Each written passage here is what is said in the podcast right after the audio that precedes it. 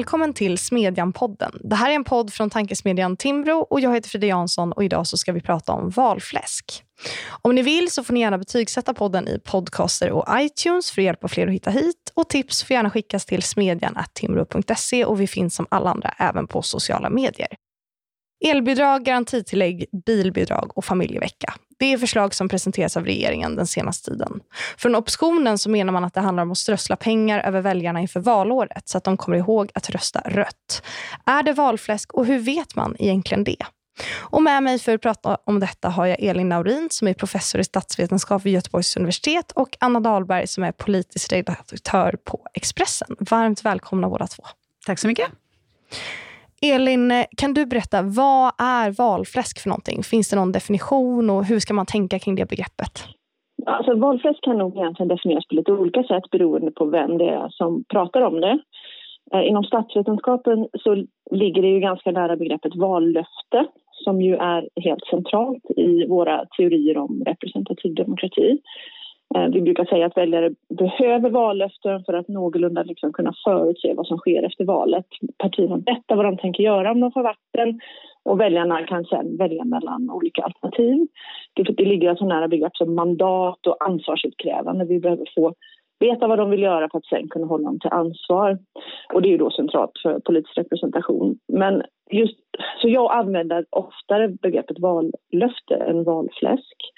Men det finns faktiskt också ett begrepp som heter valfläsk. På engelska använder man då pork barrel politics som är en annan litteratur inom statsvetenskap och inom, som också används inom ekonomi som är något annat eh, som ligger närmare saker som klientelism och korruption eh, och sånt. Och pork betyder ju fläsk.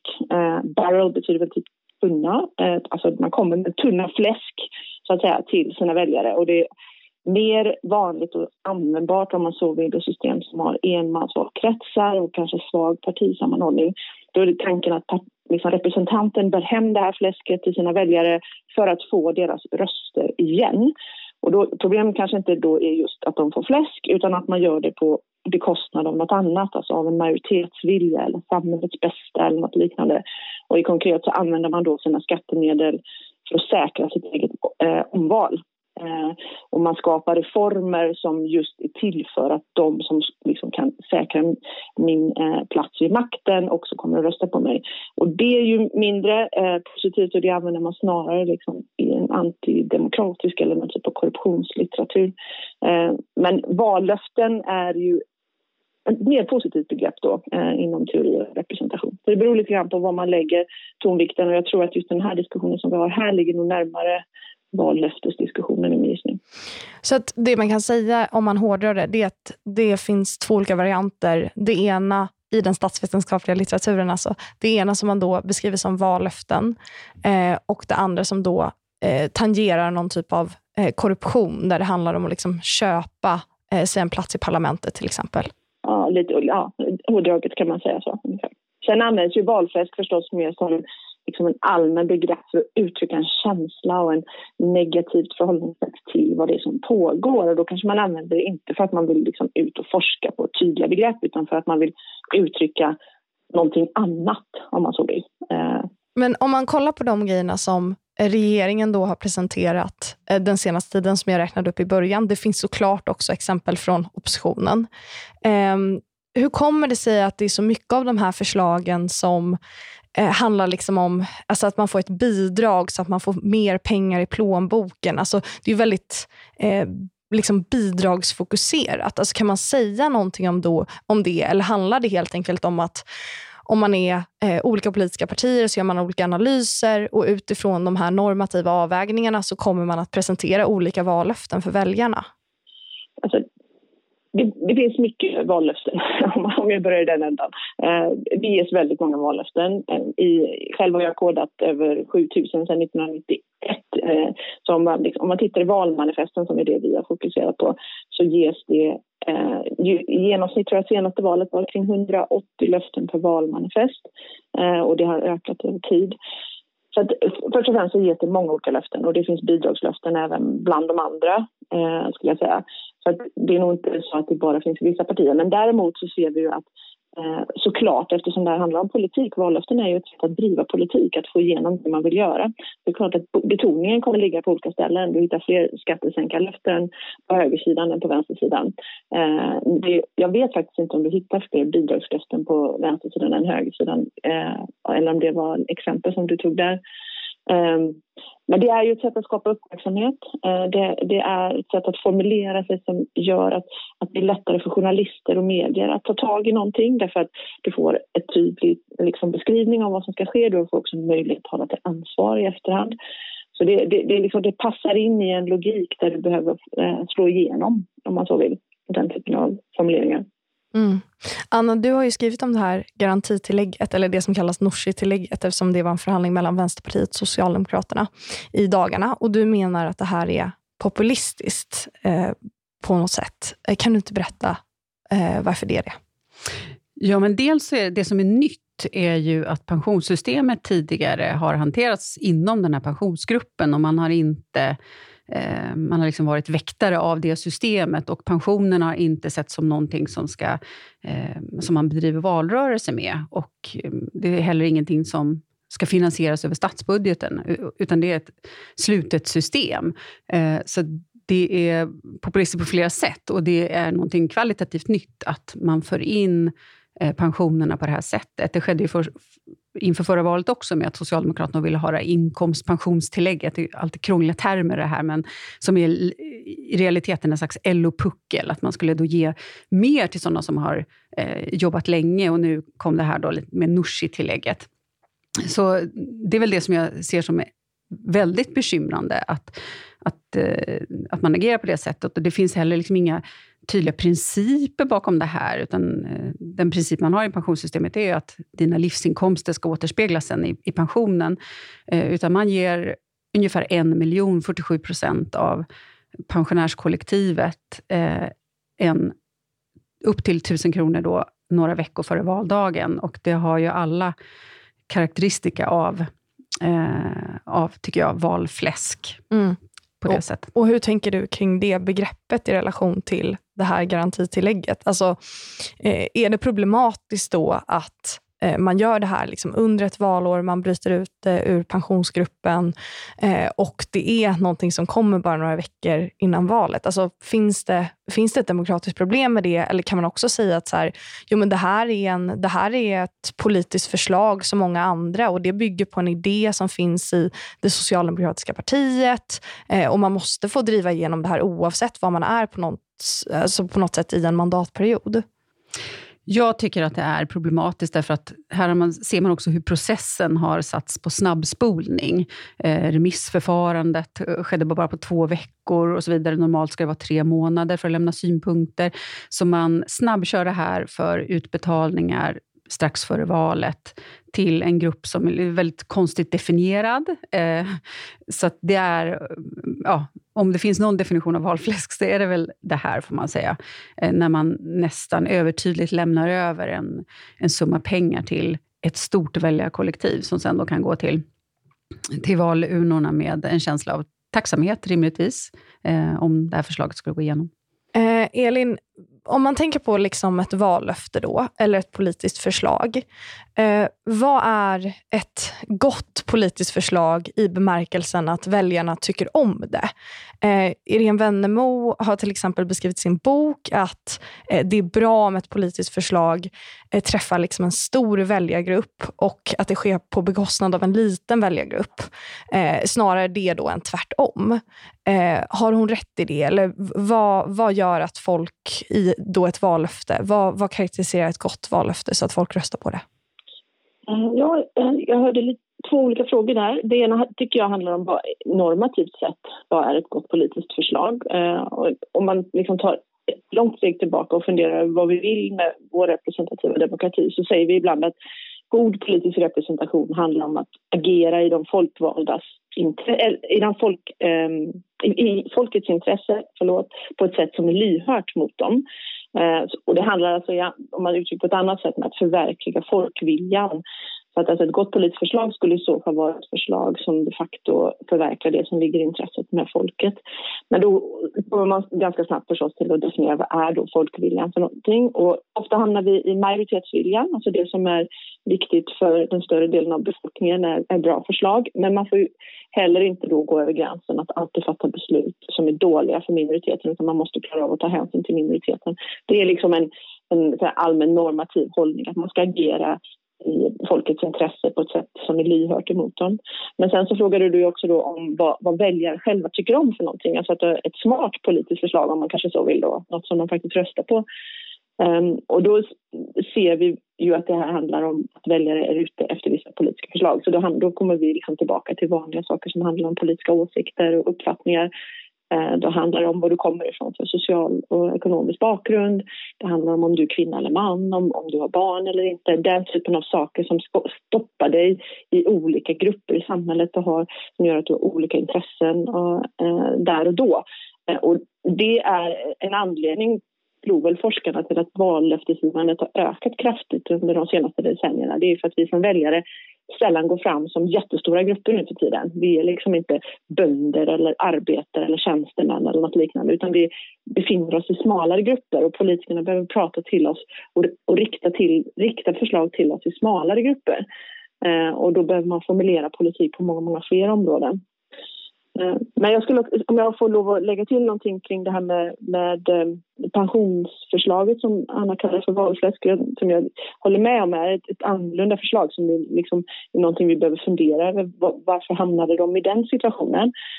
Och en sak som, gör, som man kanske kan ifrågasätta om det är valfläsk det är väl att det kommer fram i en koalitionsöverenskommelse. Att det snarare är ett tecken på att, att det politiska beslutsfattandet har blivit mer ad hoc-artat och hoppigt, så att säga hattigt på grund av den regeringssituation vi sitter i just nu. Där man måste skapa överenskommelser för att överhuvudtaget klara av att formulera en regering eh, eller formera en regering. Och att det var någonting som också liksom förstärktes under pandemin där man behövde fatta enormt snabba förslag. Och det är någonting som vi ska ha ögonen på tycker jag framöver. För liksom den långsamma lagstiftningsproceduren har, har varit till gagn i Sverige. När man inte kastar sig över ad hoc-lösningar för smala grupper som liksom går emot tidigare större system.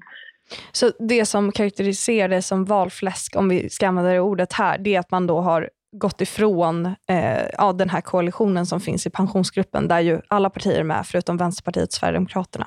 Ja, jag vet inte riktigt om jag, jag får nog fundera lite på om jag tycker att det är valfläsk. Jag tycker också att det är en situation där man tvingades sig till att göra kompromisser för att skapa en regering. Eh, så det, liksom, det, var kanske inte med ögonen på valet nödvändigtvis, utan det var ögonen på att, att få till en regering. Eh, men sen håller jag med om att det leder ju de facto till att man liksom går till valurna med, med pengar extra i och att det spelar roll, kommer att spela roll även för det. Eh, men jag tror att komplicerande faktor här var att man var försökte få till en regering under väldigt pressande omständigheter och behövde köpa de rösterna liksom, på Vänsterpartiet. Eh, om man tänker på de här andra förslagen, Anna, som jag tog upp, alltså till exempel det här bilbidraget som ju är en del i den här stora satsningen som handlar om eh, drivmedelspriser där man ska få eh, ja, eh, tusen kronor om man helt enkelt äger en bil. Eh, är det också valfläsk, skulle du säga? Eller hur skulle du sortera in det politiska förslaget i den här diskussionen? Det är i alla fall någonting nytt, det här att man börjar kompensera för prisökningar på ett sätt som vi inte har sett förut. Eh, och där speglas ju då att på högersidan så vill man ha skattesänkningar och på vänstersidan, så både när det gäller el och bränslen, så vill man då ha eh, bidrag. Och det sades ju då när det här elprisbidraget kom att det var en engångsföreteelse, en exceptionell händelse. Men den har ju redan förlängts och när Cash, som man kallas, får frågan om, om det nu var så att det aldrig kommer att ske igen, så, så blev det ju väldigt oklart redan.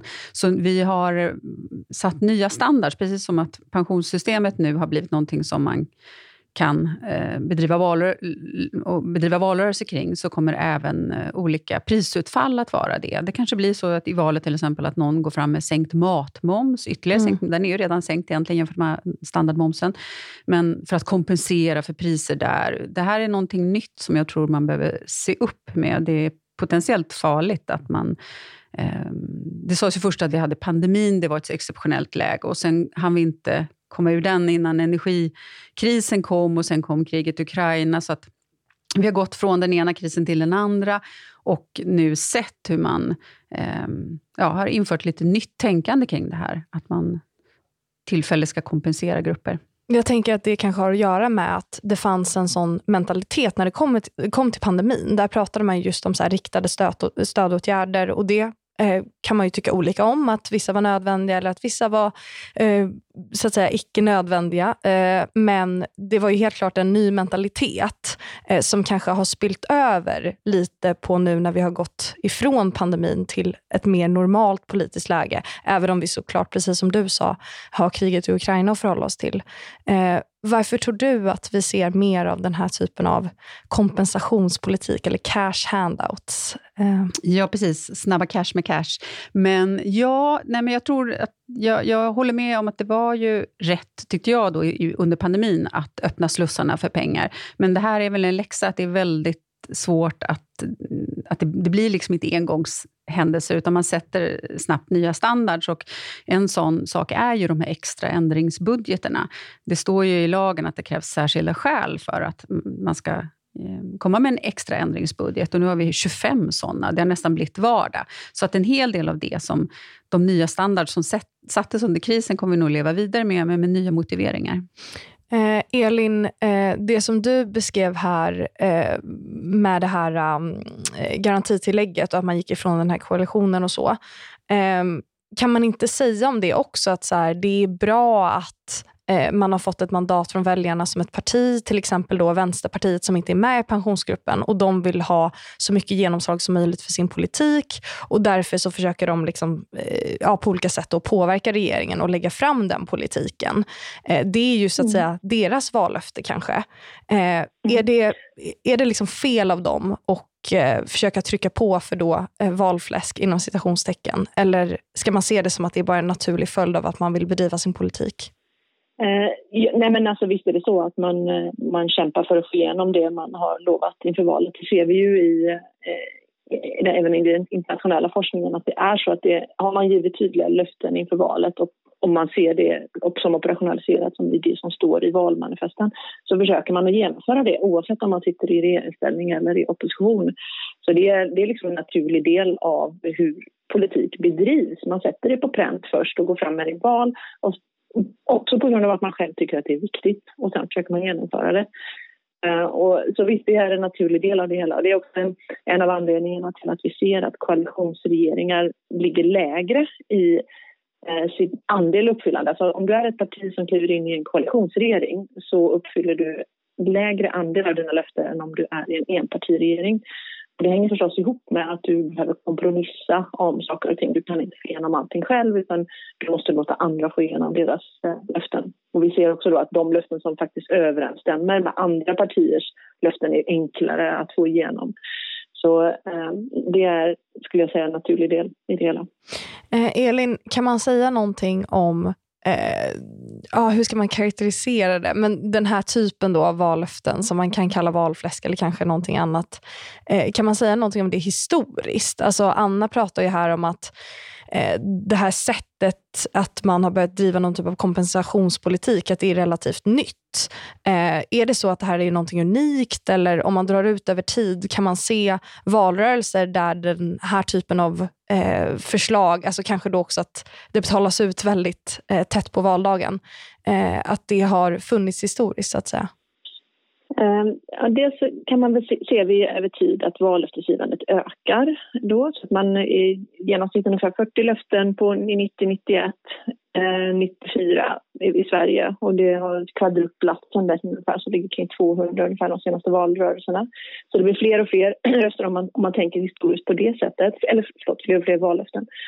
Eh, men sen det här med att man sparar det till valdagen, alltså skulle, att man på något vis skulle spara eh, åtgärder till valdagen. Det, det kanske fungerar i system där du har majoritet själv när du sitter i regering. Men sitter du som minoritetsregering så ser vi att man ofta försöker genomföra saker så fort som möjligt. Eh, när du har stöd, stöd för det så passar du på. Så de som har tittat på när vallöften uppfylls under en mandatperiod hittar att de flesta uppfylls tidigt i mandatperioden. Ehm, och det hänger förstås ihop med att, eh, att man liksom, då har man någon typ av fart in, man har vunnit ett val, man, man försöker få gjort så mycket som möjligt. Ehm, så det, är liksom inte, forskningen visar inte så ofta att man liksom sparar på saker tills på slutet. Ehm, men sen finns det förstås eh, en strategi i att lägga fram saker mot slutet ändå. Så det finns förstås två stycken rörelser i detta. Så är man säker på sin sak så kan det hända att, man, att det passar bra. Mm. Anna, kommer du ihåg något valfläsk från någon valrörelse historiskt? Ja, nej, men jag tänker på eget rum i långvården 85, Maxtaxan 98 är väl ett av de här vallöftena som man minns allra mest och som anses vara ett av de mest framgångsrika. Eh, familjeveckan, som aldrig blev av. Eh, det ska bli intressant att se om den dyker upp igen. Eh, om jag ska ta ett vallöfte som jag själv tycker var bra, det är ju då den blivande alliansregeringen inför 2006 där som, eh, som ville minska utanförskapet. Det var ett sånt här vallöfte som då blir en styråra för hela mandatperioden och som inte bara var ett sätt att försöka tillgodose en viss väljargrupps omedelbara kortsiktiga intressen, utan de ville lösa ett problem att allt för många människor stod utanför arbetsmarknaden och med då olika, alltifrån en sjukförsäkringsreform, sänkt a-kassa och, och jobbskatteavdragen ville förändra grundläggande incitament. Så det väl sånt där som högermänniskor tycker är ett bra vallöfte. Mm. Mindre bra är de här mer kortsiktiga, kanske låter bra, vård, skola, omsorg, pengar till det är ju bra, men ofta så vill man då öronmärka dem för att, för att det ska framstå som väldigt konkret och då blir det massa trassel för för kommunpolitiker och så, som sen ska söka de där pengarna och sen tar de slut. Och så.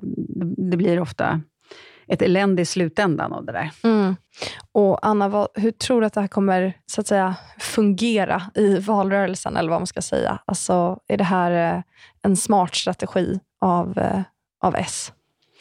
Ja, men jag tror en sak som vi inte pratat om, det är ju det, nu har vi åtta riksdagspartier och flankerna har vuxit sig ganska starka, SDV, och det är oklart... Liksom, de här koalitionerna som, som man då kan tänka sig komma ut ur det här kommer vara ganska svåra i att hålla, hålla i plånboken, om då M ska vara ihop med SD och sådär. Så jag, jag tror att det är upplagt för eh, ganska mycket valfläsk den här gången. Och man har också släppt det här krona för krona, diskussionen, släppt budgetdisciplinen. Ganska många av de politiker vi har idag minns knappt 90-talskrisen. Eh, de gick inte igenom det. Nu är visserligen Magdalena Andersson en av de som gjorde det, men, men många har in, inte de minnena. Och det kommer bli liksom en strid på kniven om, eh, om mandaten. Och jag tror det bäddar för ganska många eh, frikostiga löften. Mm. Och du tänker på det här med kron... Eller förlåt Elin, jag avbröt dig. Ja, nej, jag skulle bara vilja lägga till också att jag tror att eh, framöver, om man tittar framåt, så kommer det här som, som nu kommit fram nyligen om Nato bli en viktig fråga. Men, och det har ju inte med den typen av liksom valfläsk att göra. Det är någon annan typ av löfte som man går fram till som inte ger pengar direkt i plånboken men som kommer att spela stor roll för, eh, för valet. Och en andra sak som, som lyfts fram mycket i senaste valrörelsen och tittades mycket om eh, till exempel det här med att stoppa vinstjakten i välfärden. Det kommer säkert komma tillbaka förbud mot religiösa friskolor. Eh, den typen av saker som, som också spelar stor roll för väljare som liksom triggar igång. In, integrations och in, eh, migrationslöftena var väldigt många förra året. Kriminalitetslöftena var många. Den typen av saker kan också få igång människor eh, och, och väcka känslor. Eh, man ser bakåt i tiden när, när vi ber folk att nämna exempel på löften som de tycker är viktiga. Då, då kommer till exempel Torbjörn Fälldins eh, löfte från 76 om, att, eh, om, om kärn kraften som, som ett sådant exempel som eventuellt kan kärnkraften komma tillbaka igen. Finns det sådana som nu liksom funderar över? Mm. Maxtaxan håller jag med om att det var ett viktigt löfte bakåt i tiden. Men om man lägger till till Alliansen, utöver jobbskatteavdrag så fanns ju även utavdraget som ett sådant löfte som folk kände till och fastighetsskatten till exempel. Ehm, Just det. Fram också. Mm.